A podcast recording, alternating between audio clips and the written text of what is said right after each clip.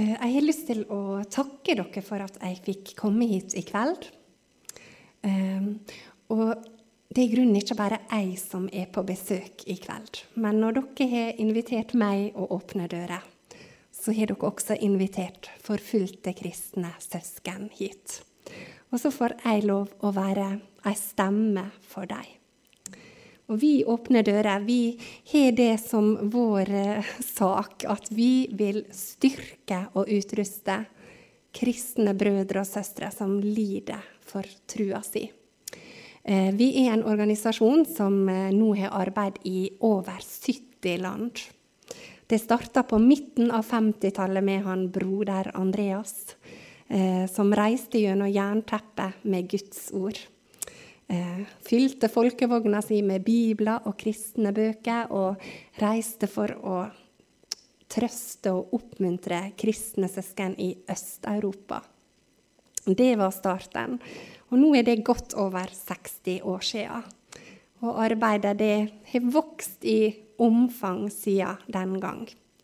Her i Norge så eh, er vi rundt 14-15 nå som har vår tjeneste i Åpne dører.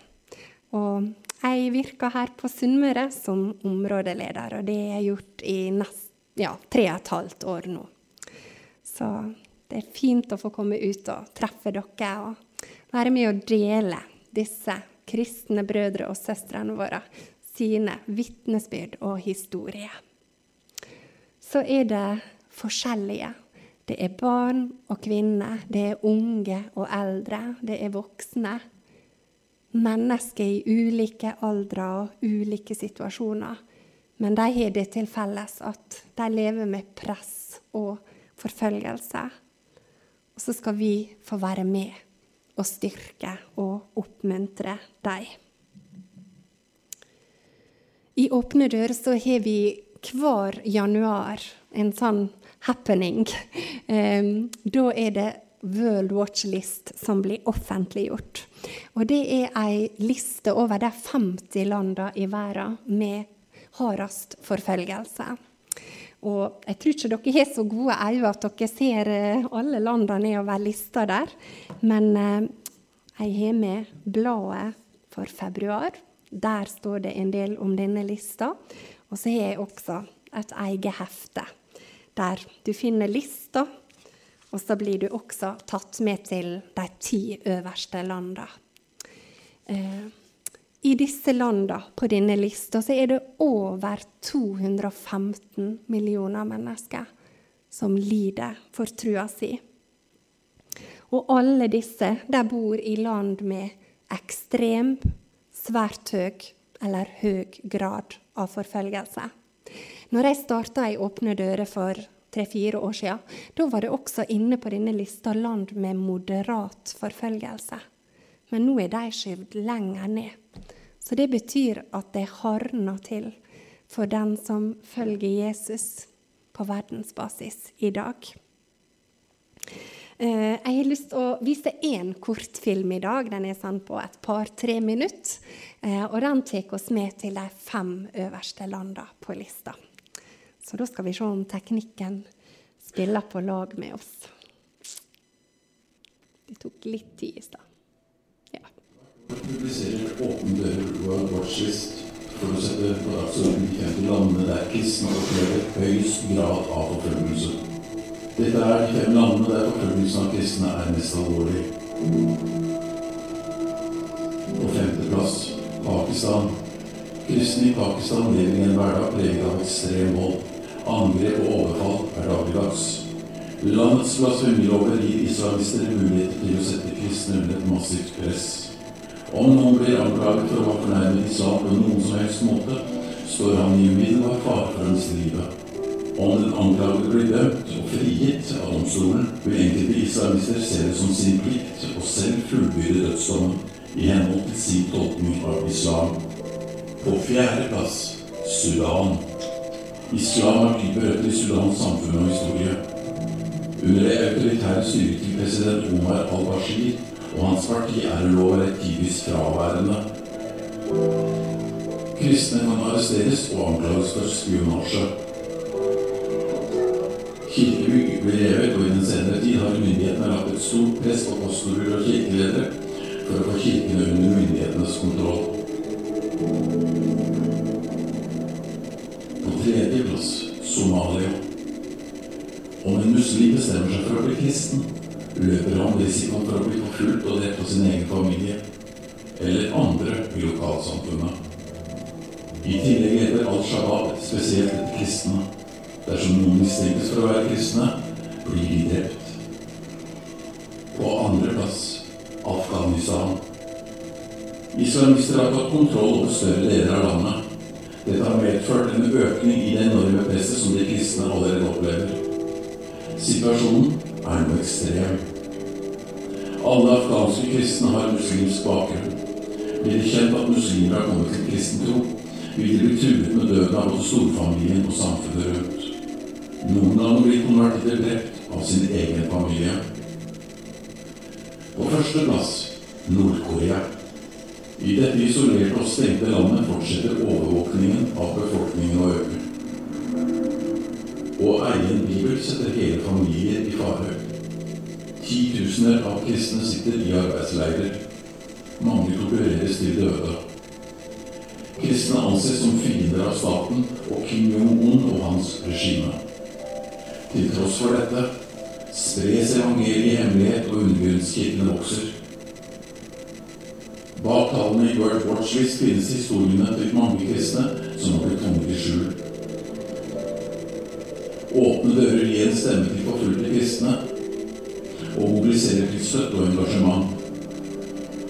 Besøk vår hjemmeside www.opendoors.no og finn ut hva du kan gjøre for å hjelpe.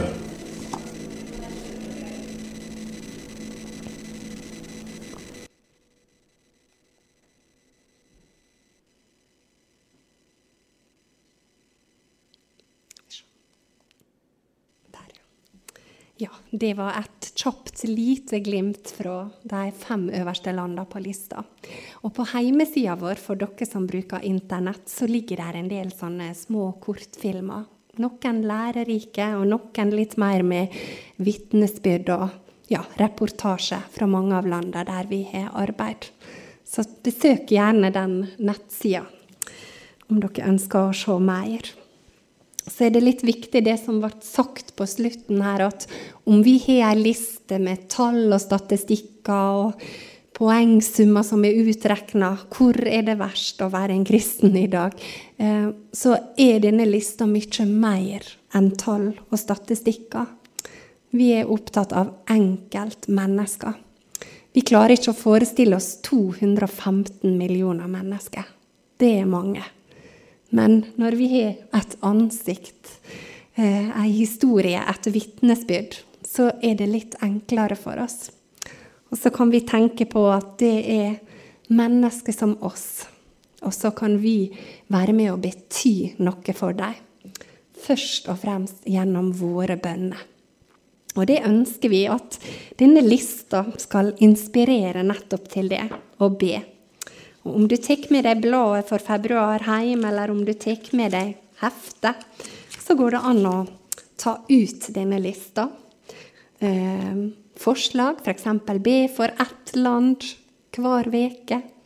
Det er 50 land å lese om og sette seg inn i. Eh, be for de som bor i disse landene, som har det vanskelig pga. trua si så kan jo vi bli nedtrykt når vi tenker på hvordan det er for mange av våre kristne søsken i dag.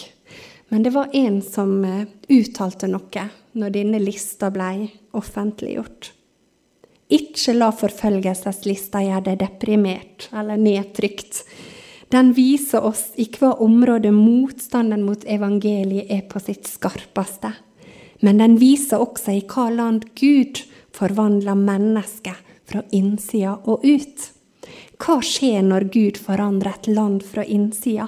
Mørkets krefter vil stå imot så hardt som de kan, men lyset er sterkere enn mørket. Og som vi så på filmen, så var Nord-Korea det landet som ligger øverst på denne forfølgelseslista. I år, i fjor og mange år før.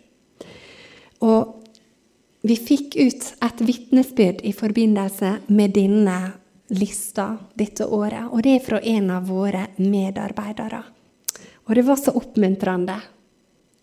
Gud svarer på våre bønner. Jeg har hatt denne tjenesten i mange år, men aldri før har jeg sett så mange nordkoreanere komme til tru som i disse dager. Det syns jeg var spesielt å lese. Om Nord-Korea år etter år topper statistikken for forfølgelse, så vokser også Guds rike i dette mørke landet. Lyset er sterkere enn mørket. Og når jeg las det denne mannen sa, så bare tenkte jeg på det verset som jeg har satt opp under her. Eh, det er egentlig Paulus sine ord i 1. Korinterbrev 15, 16, vers 9. Vers 9 skal det være. For her er det åpne dører og rike muligheter for meg og motstanderne er mange. Det er rart, men det henger ofte sammen. Rike muligheter og mange motstandere. Åpne dører og likevel trengsel. Så er det det våre medarbeidere forteller fra Nord-Korea. Og det er utrolig inspirerende og oppmuntrende å høre. Og dere, nå i mars så er det Nord-Korea som er i fokus. Så om du ikke har bladet, vær så snill å ta med deg hjem og les. Du vil bli forundra over det du leser. Det er sterkt. Og så er det rørende og gripende. Og for meg som er mor, å se overskrifta her 'Nord-Koreas tause foreldre' tenke på hvordan det er å være kristne foreldre i Nord-Korea. Du kan ikke risikere å gi evangeliet til barna dine før de er store nok til å holde trua hemmelig. Jeg har lest mange vitnesbyrd om det. Barn som har vært 12-14-15 år før de i det hele tatt har visst at de har tilhørt en kristen heim. Men så sier de også noe om krafta i bønn, og hvordan våre nordkoreanske kristne søsken må stole på Gud i alt og gå til Han med barna sine.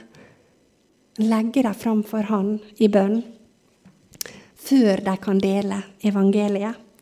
Så var det spesielt å lese om ei som heter Ester. Hun hadde en kristen bestefar, men hun ante ingenting om det. Hun syntes det var så rart at hver søndag når hun var på besøk, og det var hun ofte i helgene, da ble hun jaga ut for å leke. Og så kom det noen og skulle ha et møte. Og Hun syntes det var merkelig. Møte på fridagen? Hvorfor kunne ikke de ta det en annen dag? Hun visste ingenting om Bibelen, om Gud, om Jesus, om søndagen. Så møtte hun Jesus når hun ble voksen. Og så tenkte hun tilbake på bestefaren. Han hadde vært en kristen. Hun fikk en drøm der hun så han og vennene knelte rundt Bibelen. Og så tenker jeg på denne bestefaren. Skal tru hvor mange ganger han må ha sett på jenta og tenkt Ester, tenk om jeg kunne ha lest for deg, bedt med deg, sunget med deg. Men han kunne ikke. Men det var én ting han kunne, og det var å be for hun Ester. Og det er jeg sikker på at han gjorde. Og så møtte hun Jesus som voksen. Jeg vil dele ett til vitnesbyrd fra en kristen bror i Nord-Korea. Han sier vi vandrer i tru, trass i alle vansker vi møter. Vårt ønske er å holde trua vår rein, tross alle lidinger. Vi setter vårt håp til den staden Gud fra evighet har forberedt for oss. Fram til vi når den staden, vil vi fortsette å gå, sjøl om det er mange hindringer. Vi har bestemt oss for å følge kallet vårt, holde fast på trua og spre evangeliet. Vi husker alltid på dykkar kjærleik og omsorg for oss. Takka være dykkar bønner har vi det bra. Når jeg leste den siste setninga der, så, så, tenkte jeg da har vi det bra. Takka være dere bønner. Tenk at det er deres erfaring. Det er så mange vitnesbyrd fra dette landet om hva bønn betyr. Forbønn betyr. Og hva annet kan vi gjøre inn mot Nord-Korea enn å be og minne Gud om våre kristne søsken der? Og så hørte vi i stad at lyset er sterkere enn mørket. Og så er det spesielt det vi hører fra de landene der vi har arbeid i. Vi ser at lyset bryter gjennom. Mange får et møte med Jesus, med verdens lys. Og Derfor så er det også at vi i Åpne dører vi ønsker så veldig å være med å oppmuntre de som bor i disse landene, til å spre evangeliet videre. Det er også en viktig del av vår tjeneste. Og så ser vi at i mange av disse landene så er det store vekkelser.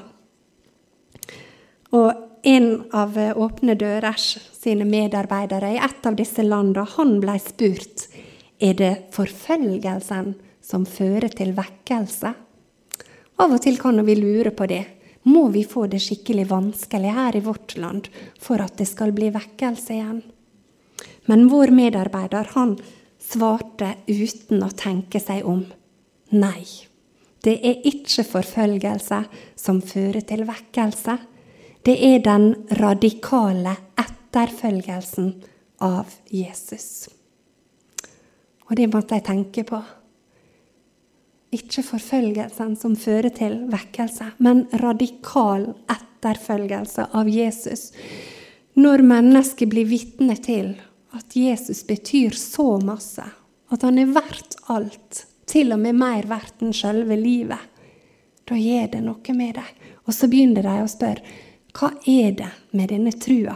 Hva er det med denne Jesus som er så viktig, som er så umistelig? Og så fører det til at mange blir nysgjerrig på Jesus, på den kristne trua. Så begynner de å spørre og så sprer vekkelsen seg. Så tenker jeg at det er litt sånn eh, oppmuntring til oss også. Og så er det ransakende for oss også. For hvis det er den radikale etterfølgelsen av Jesus som gir vekkelse, da kan det skje også i vårt land. I, vår, i vårt nærmiljø. Hvis vi følger Jesus av et helt hjerte. Så har vi i Åpne dører også arbeid i det som vi kaller den frie verden, her i Norge bl.a. Og derfor så er jeg her i kveld for å dele forfulgte kristne søsken sine liv og sin hverdag. I fjor så hadde vi besøk fra et av disse landene der vi har arbeid. Og når han mannen skulle reise, så tok han meg så høytidelig i handa, og så sa han takk for at du reiser rundt og forteller vår historie. Jeg er ikke sikker han tenkte over at det var noe spesielt å si, eller, ja. men for meg så betydde det så mye. Og så snakket han om hvor mye det betyr for deg å vite at vi kristne i Norge og i andre land vet om dem. Vet om deres nød, deres utfordringer, deres behov for da kan vi også være med og be. Og Derfor er det litt annerledes møte å ha besøk av meg og åpne dører. For det blir liksom ikke søndagens tekst, vers for vers. Men det blir vitnesbyrd, bønneemne og også noen bibelvers der vi kan knytte det inn. Det ordet der, å identifisere seg, det har jeg grunna en del på. Eh, I utgangspunktet er jeg lærer, og jeg er veldig glad i norsk. Og eh, å identifisere seg, det betyr å rekne seg som, føle seg som, å gjøre felles sak med. Så det er en ganske eh, stor drøm vi Åpne dører har for kristne i den frie verden. Den skal regne seg som og føle seg som forfulgte kristne søsken og gjøre felles sak med dem. Så håper jeg at du denne kvelden kanskje får noen som du eh, kjenner blir lagt på ditt hjerte, som du vil identifisere deg med og vil være med og be for. Jeg tenkte videre i det jeg deler, så hadde jeg lyst til å dele med dere ut fra de fire delene som vårt arbeid er inndelt i, gjennom fire symbol. Det går på det med bønn, muligheten til å være med å gi, å reise og å skrive. Og så regner jeg med at alt dette passer ikke for alle dere.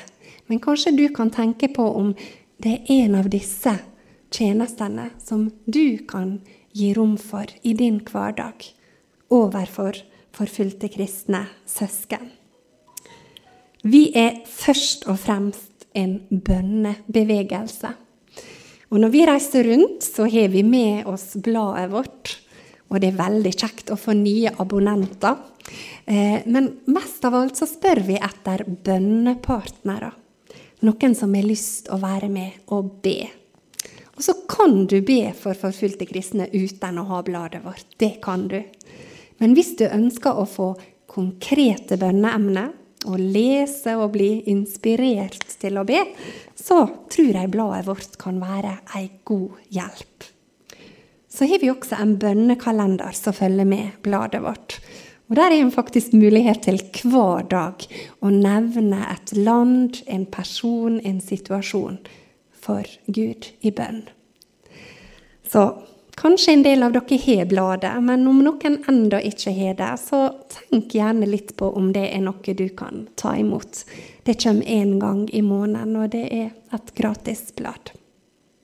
Jeg håper i så fall dere har lyst til å ta det med hjem herifra i kveld og se hva det er for noe. Til dere som er damer, så har jeg bare lyst til å nevne litt kort at vi har et eget kvinnearbeid. Eh, women to Women. Og så har vi et nyhetsbrev som kommer ut annenhver måned.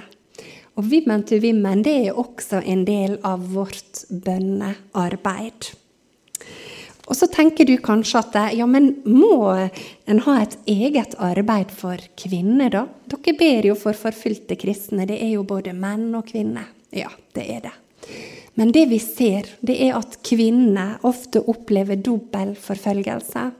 De blir forfulgt fordi de er kristne, ja. Men de blir også forfulgt som kvinner. Og det kan innebære mye vondt og mye smerte. Det går på det med kidnappinger og bortføringer, overgrep, tvangsgifte, tvangskonvertering. Lista er lang. Mange kristne unge jenter og kvinner har det veldig vanskelig.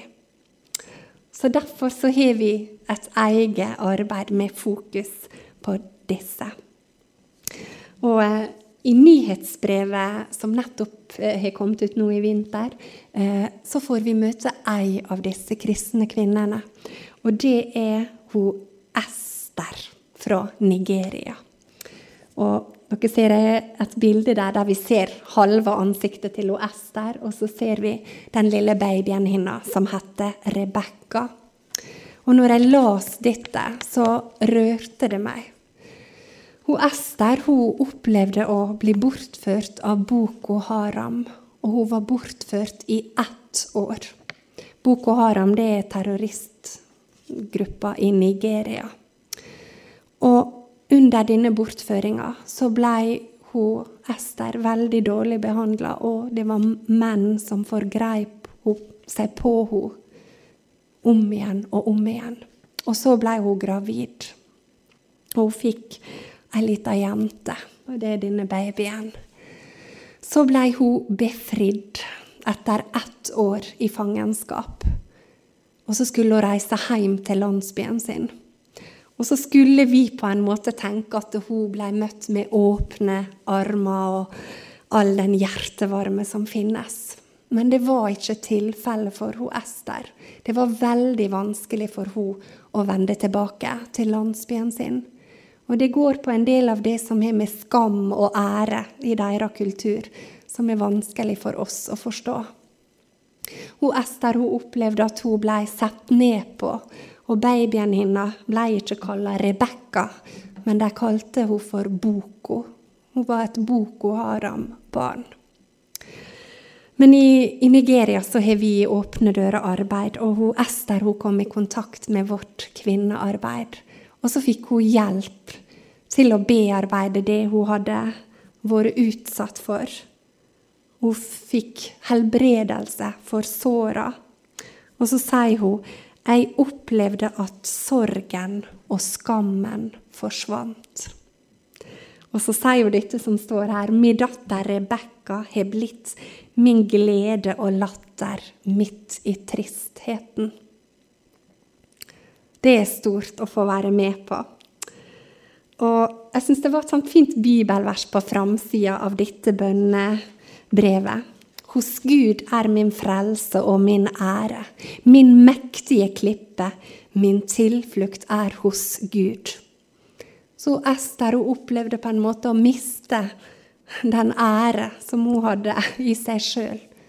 Men Gud er hennes frelse og ære. Så står det et vers i Salme 3 også som ligner litt. Men du, Herre, er et skjold for meg. Du er min ære. Du løfter mitt hode. Så har Ester opplevd at Gud har løfta hennes høyt igjen, gitt henne sin ære. Og så er hun en av de som vi åpner dører for å ha kontakt med og være til hjelp for. Gjennom våre bønner og gjennom våre gaver så har det blitt mulig. Så dere damer, ta gjerne med det bladet hjem og les og bli inspirert til å be. Og hvis dere er ledige på fredag, så har vi Women to Women-kveld på Årset bedehus. Det er på Ellingsøya. Jeg hengte opp en plakat om det ute i, i gangen her. Dere er hjertelig velkommen, dere damer. Ja, i Åpne dører så, så sier vi alle kan be, mange kan gi, og noen kan gå. Alle kan be.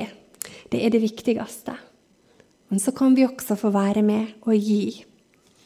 Og her er noen takknemlige ord fra en som har opplevd hva det betyr. betyr å få hjelp fra våre gaver. Vi sier mange takk for deres støtte, som er en stor ære for oss å motta. Gjennom den kan vi forstå og føle deres djupe kjærleik for oss og folket vårt. Med deres støtte har vi kunnet møte behov, både menneskelig og åndelig. Og det syns jeg er en fin tanke. At til og med gjennom det vi er med og gir, så kan noen andre i et land langt vekke forstå at vi er glad i dem, at vi bryr oss om dem. Ei oppmuntring fra Aleppo i Syria. Jeg har en god kollega, hun Linda Askeland. Hun viste meg dette verset en gang, og det har jeg tatt med meg sida. Gud er ikke urettferdig, så han glemmer det dere har gjort, og den kjærlighet dere har vist hans navn, ved å tjene de hellige nå som før. Så er det mange måter å være med å tjene de hellige på. Gjennom bønn, gjennom det vi gir, gjennom andre måter å vise omsorg på. Og så sier Gud at han er ikke urettferdig. Han glemmer ikke det vi gjør. Og så er det også en måte vi kan vise kjærlighet til Guds navn på. Gjennom å bry oss om de hellige, om våre kristne søsken. Så er det symbolet med brevet og, konvolutten. Og det er altså skrivetjenester i Åpne dører. Av og til så får vi mulighet til å sende eh, oppmuntrende hilsener til kristne søsken, slik at de får vite at vi har hørt om dem, og at vi ber for dem. Og eh, da er jeg fortsatt i Marsbladet, fordi at der har vi en veldig spesiell skrivekampanje denne måneden. Den går til Nord-Korea. Og Da forstår dere sikkert at da kan ikke vi skrive et brev og sende det av gårde til Nord-Korea. Det, det, hadde ikke gått bra for noen av oss eller de vi skriver til. Men Åpne dører, vi har radiobølger inn mot Nord-Korea. Og det er det ingen som klarer å stanse. Og så er planen at hvis vi lager ei skriftlig hilsen og sender elektronisk, så vil den bli omsatt til koreansk, og så vil den bli lest opp på radio. Og så kan den nå inn til mange titusener av kristne nordkoreanere. Så kanskje du skal tenke på om eh, du har lyst til å bli med på det.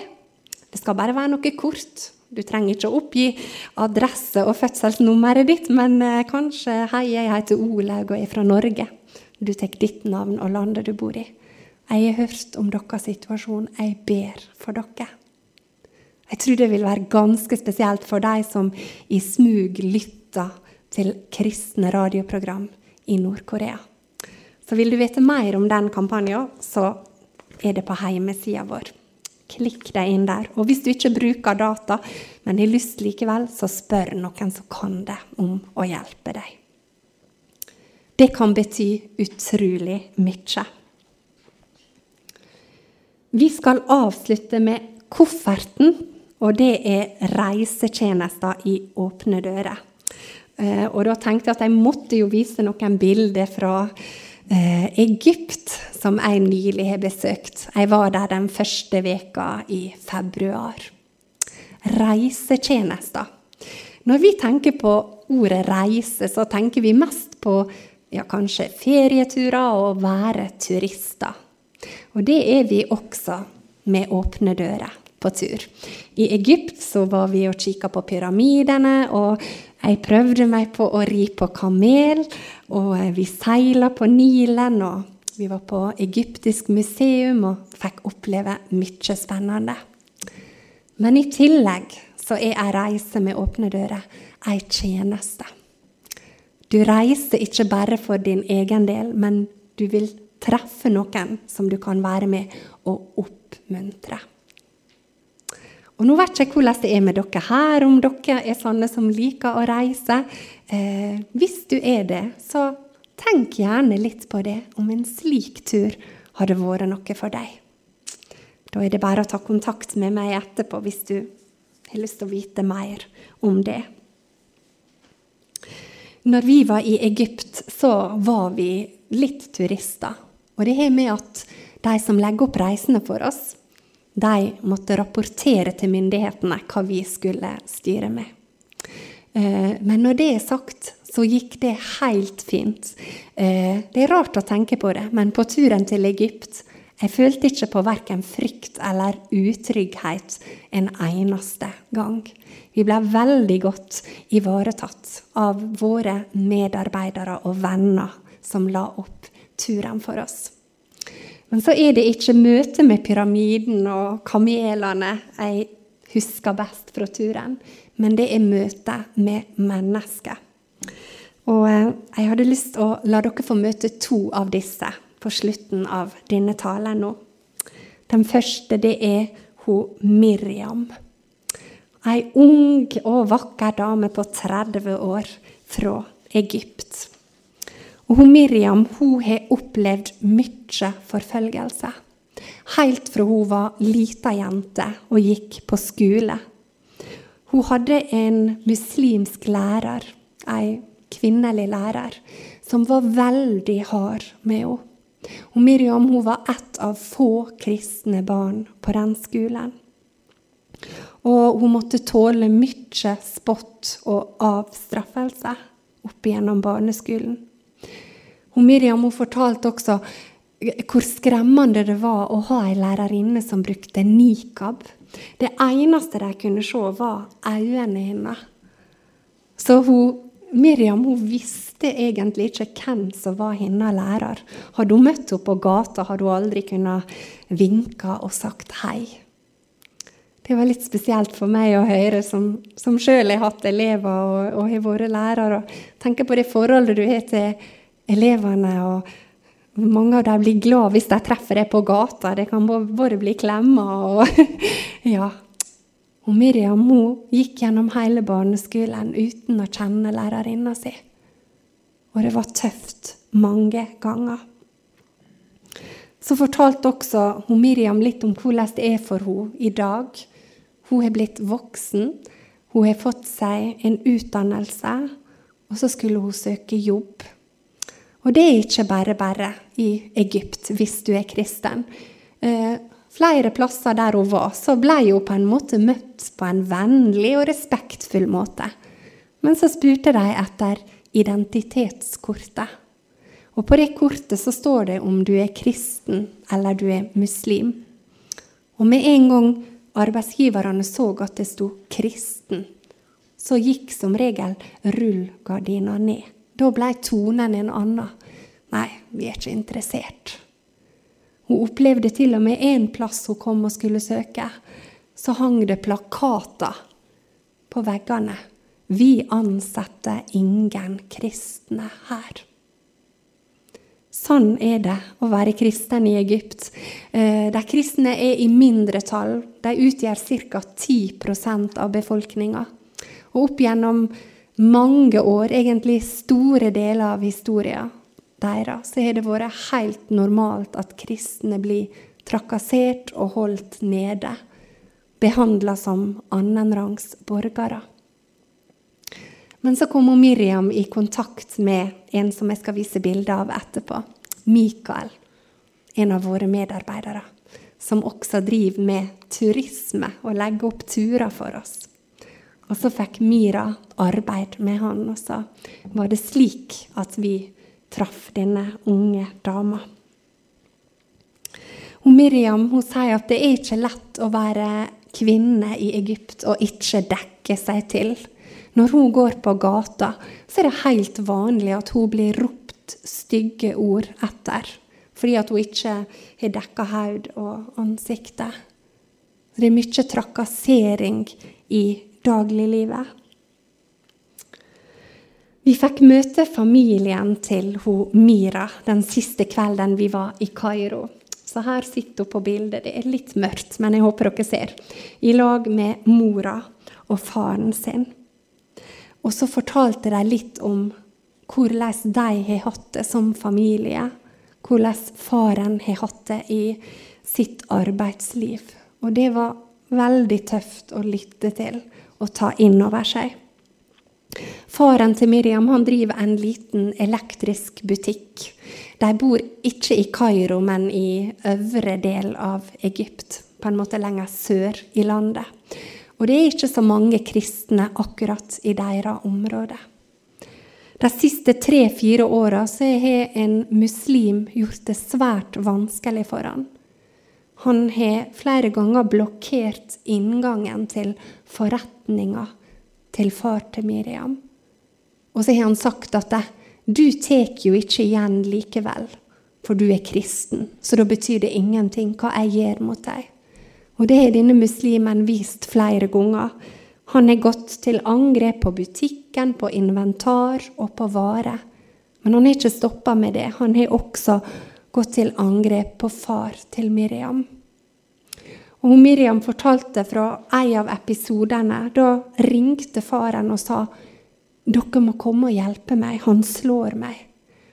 Og idet Miriam og mora kom, så lå faren på gulvet der i butikken men det var ikke bare den ene som slo. Det var en hel gjeng, en hel mobb, som hadde samla seg. Og de gikk løs på denne mannen. Og Miriam hun fortalte hvordan hun og mora ble stående hjelpeløse og se på. Det var ingenting de kunne gjøre. Og så kan vi tenke hvorfor ringte ikke dere politiet, da? Dette går jo ikke an. Men så sier Miriam nei, bryr de seg? Vi er kristne. Hva betyr det vel om vi blir slått? Sånn er det i veldig mange tilfeller. Ikke alle tilfeller, men i mange tilfeller. En annen gang så var det så ille at mora og Miriam sa til faren vi må gå til politiet. Dette går ikke lenger. Denne muslimske ekstremisten han hadde vært der, han hadde slått faren igjen. Så gikk de til politiet. Men den som var møtt opp først, det var denne muslimen. Og så hadde han kutta seg opp på hendene. Og så hadde han tatt med seg tre vitner. Og så gikk han til politiet og sa, Se hva far til Miriam har gjort. Han har skada meg.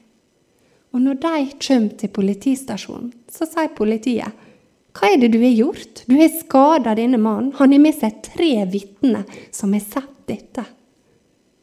Og uansett hva Miriam og foreldra sa, så hjalp det ikke.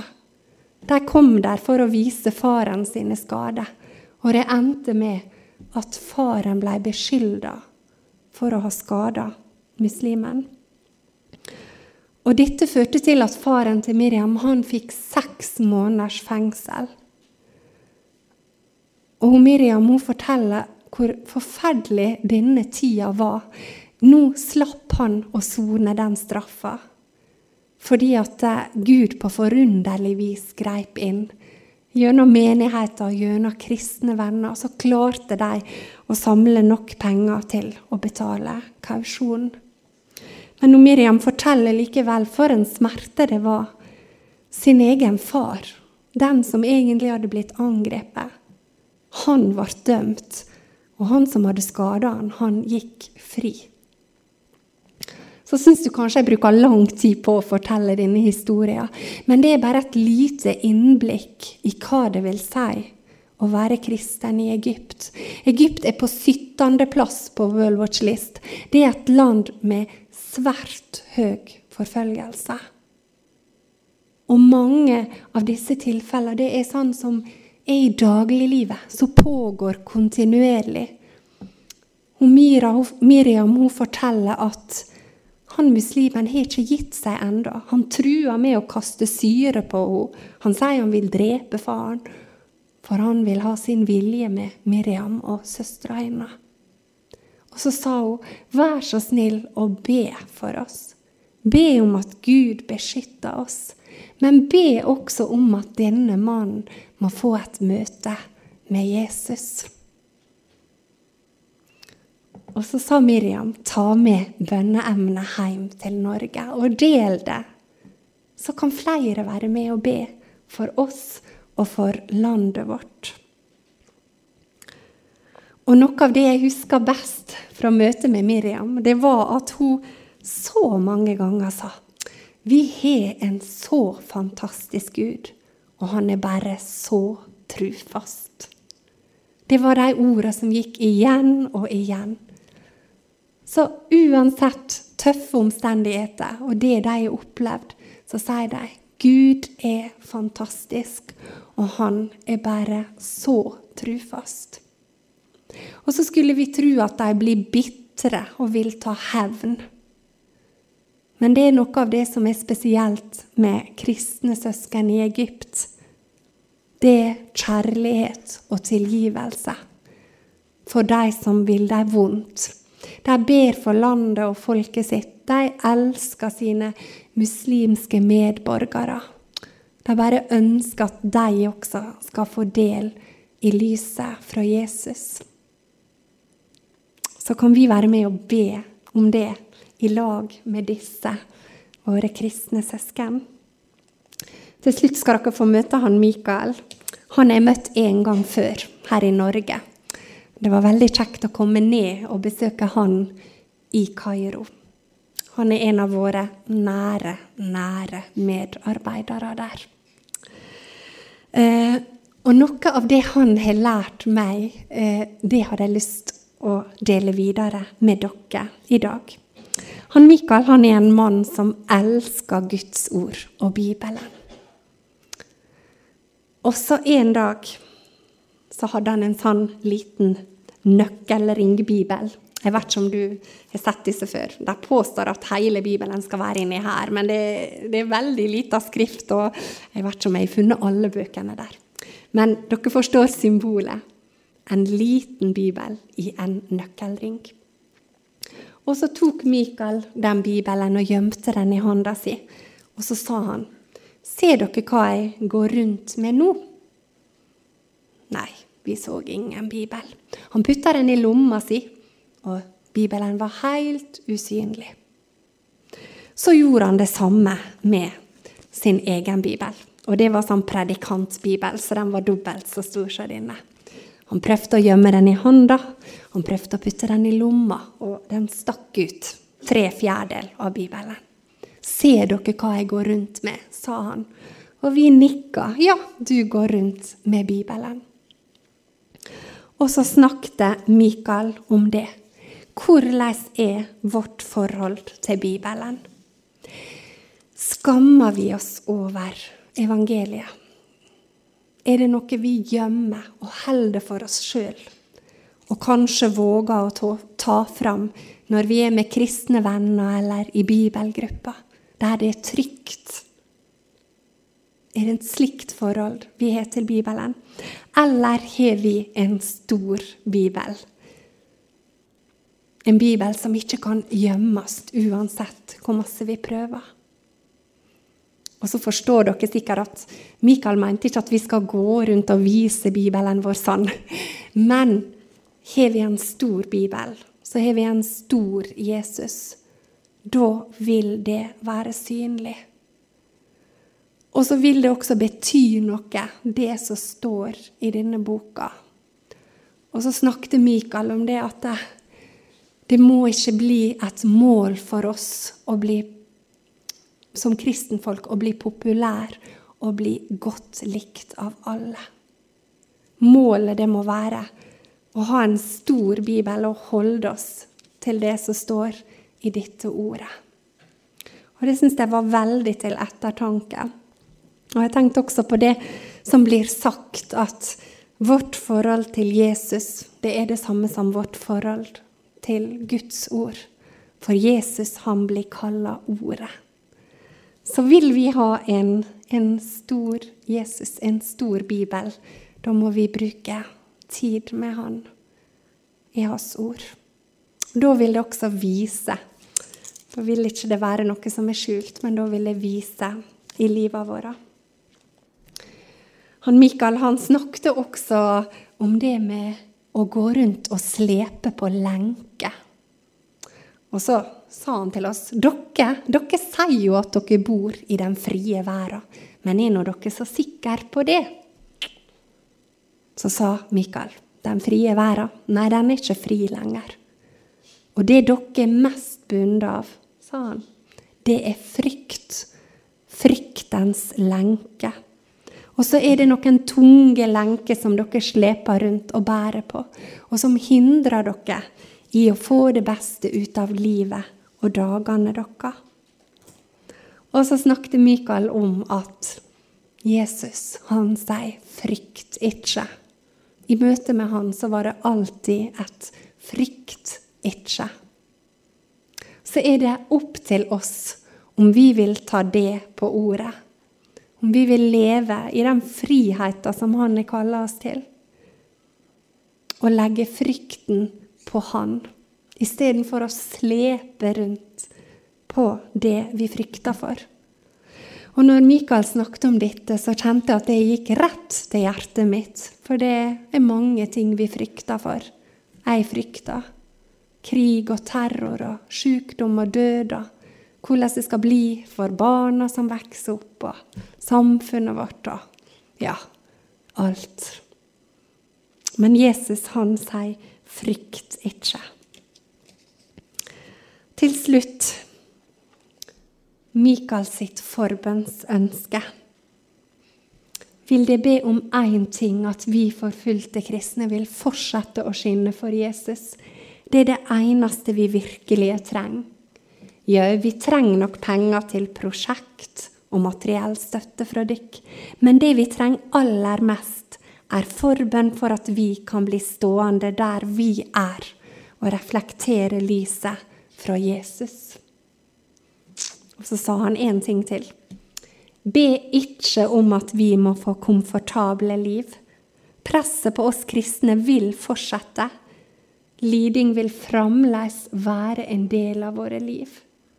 Hun sa også det er ikke realistisk å tro at islam plutselig blir vennlig overfor oss. Så be om at vi må stå faste i trua på Herren. Og når Mikael sa det, så tenkte jeg ja, det vil vi være med å be om.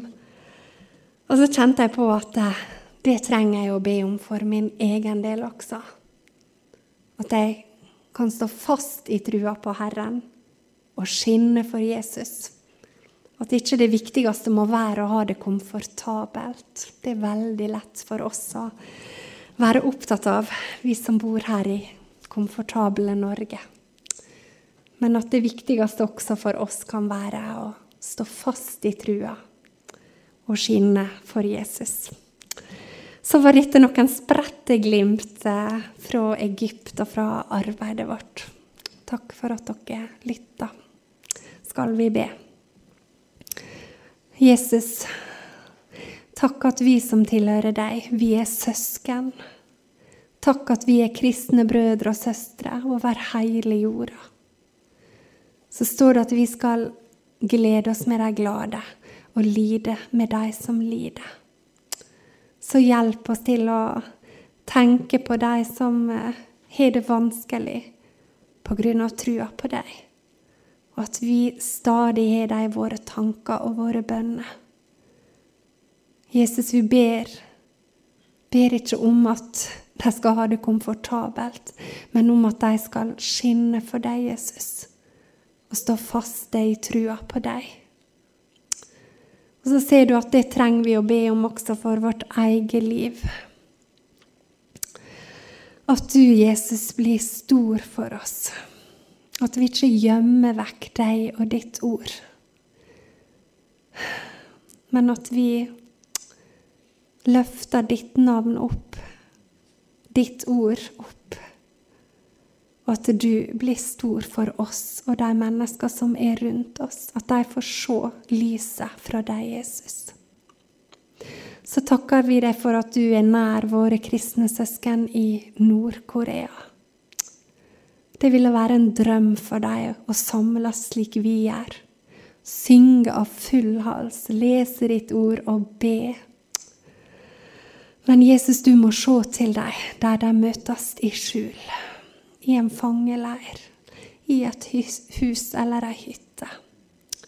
Må du styrke dem og bevare dem og hjelpe dem.